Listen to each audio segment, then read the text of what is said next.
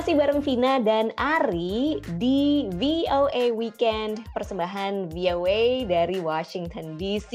Betul. Di era kenormalan baru ini banyak yang berubah, termasuk soal pendidikan, belajar, dan mengajar. Nah, kalau di Amerika sendiri, gimana nih Ari sebagai seorang bapak, anaknya ini sekolahnya akan virtual atau in person?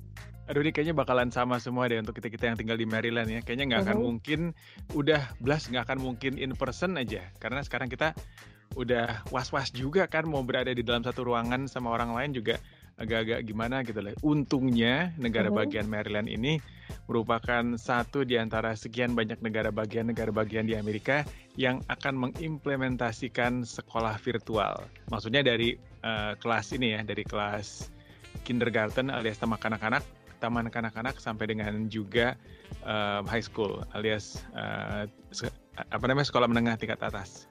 Nah, SLTA. Nah, iya iya iya sama ya ini kita semua akan memulai uh, sekolah virtual nanti mm. di akhir Agustus. Nah ternyata nggak cuma dari jenjang TK ke SMA aja, tapi juga kampus-kampus nih ya oh pemirsa. Oh, iya. Ya kampus-kampus nih pendengar. Ada universitas unggulan di North Carolina membatalkan kelas tatap muka langsung bagi mahasiswa S1 seminggu menjelang dimulainya perkuliahan semester musim gugur.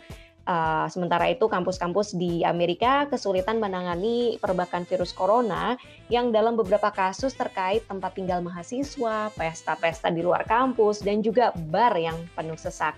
Karlina Amkas menyampaikannya lebih lanjut. University of North Carolina (UNC) di Chapel Hill memutuskan beralih ke kelas daring dan membantu mahasiswa yang ingin pindah dari asrama kampus.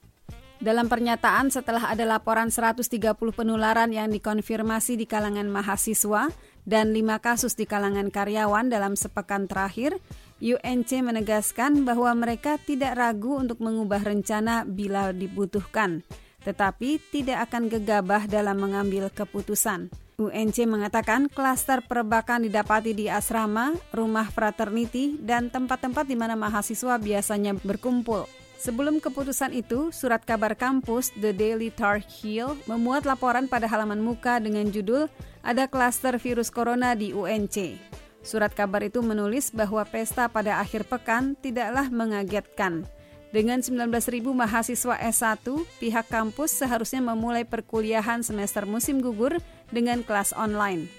Kami bisa menebak ini akan terjadi, kata surat kabar tersebut.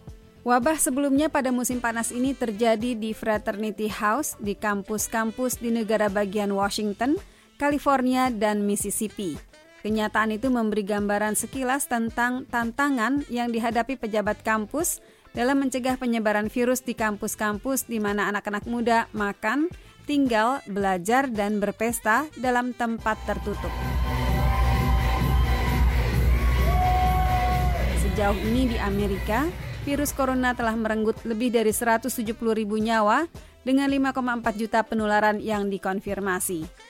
Di Boone, North Carolina, Senat Fakultas di Appalachian State University, satu dari 17 perguruan tinggi dalam jaringan UNC mengeluarkan mosi tidak percaya kepada rektor universitas itu, Sherry Everts. Ia dinilai gagal menutup kampus setelah terjadi wabah COVID-19 baru-baru ini. Para dosen yang semula khawatir akan mata pencarian orang dan reputasi lembaga, kini khawatir akan nyawa orang. Sementara itu, pejabat-pejabat di kampus lain dalam jaringan UNC, East Carolina University, mengatakan mereka telah mengidentifikasi klaster COVID-19 dalam satu bangunan asrama. Di Oklahoma State University, OSU di Stillwater, beredar luas video yang menunjukkan mahasiswa tanpa mengenakan masker memadati satu klub malam. Pejabat mengonfirmasi 23 kasus virus corona di satu bangunan asrama di luar kampus. Pihak universitas mengarantina mahasiswa yang tinggal di sana dan melarang mereka keluar bangunan itu. Ryan Novozinski, mahasiswa di sana, menyatakan bahwa dia sangat frustrasi. Editor surat kabar kampus itu datang dari Allentown, New Jersey. Saya harus berinteraksi dengan orang-orang itu. Dosen-dosen juga akan berinteraksi dengan mereka rantai penularan virus ini tidak bisa diputus. OSU, Oklahoma State University menerapkan semua metode perkuliahan, kombinasi antara kelas tatap muka langsung dan belajar jarak jauh. Selain itu, mahasiswa, staf, dan pengajar diharuskan mengenakan masker di dalam dan di luar ruangan bila menjaga jarak fisik sukar diterapkan. University of Notre Dame melaporkan 58 kasus yang dikonfirmasi sejak mahasiswa kembali ke kampus di kota South Bend, negara bagian Indiana itu pada awal Agustus. Setidaknya dua pesta di luar kampus sepekan sebelumnya telah diidentifikasi sebagai sumber penularan, kata pejabat-pejabat universitas. Untuk Erna Wiasih, saya Karlina Amkas, VOA, Washington.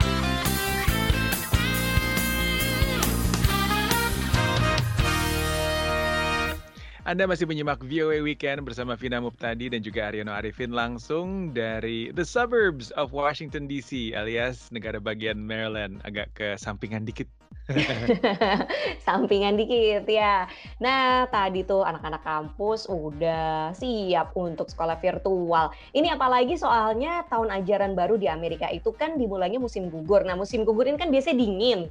Betul. Dingin itu terasosiasi dengan penyakit flu lebih Aduh. mudah merebak dan menyebar. Betul. Apalagi kalau kita udah nggak tahan ya, agak-agak menggigil, mm -mm. bersin-bersin gitu, udah tanda tanya tuh.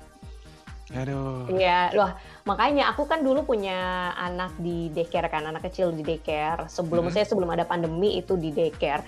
Itu juga setiap musim gugur dan musim dingin pasti sakit pilek ada kali tiga, empat, lima kali dalam satu ya. musim. Itu emang agak susah sih apalagi kalau misalnya anak kita berada di daycare ataupun juga kayak mm. ini ya tempat pengasuh gitu karena kan ada beberapa anak sekaligus. Yeah. Nanti kalau misalnya yang satu udah sembuh, yang satu kena, ayo muter, muter. aja lagi gitu kan. Uh, iya begitulah makanya banyak juga tempat yang memutuskan untuk virtual sama sekali. Meskipun ada juga beberapa sekolah ataupun daycare yang memungkinkan in person, tentunya bagi mereka yang uh, apa namanya mungkin mereka orang tuanya pekerja esensial sehingga tidak bisa stay di rumah ya kan sehingga anaknya harus di uh, dititipkan atau ditaruh di sekolah yang in person itu juga ada juga di sini. Betul. Gitu.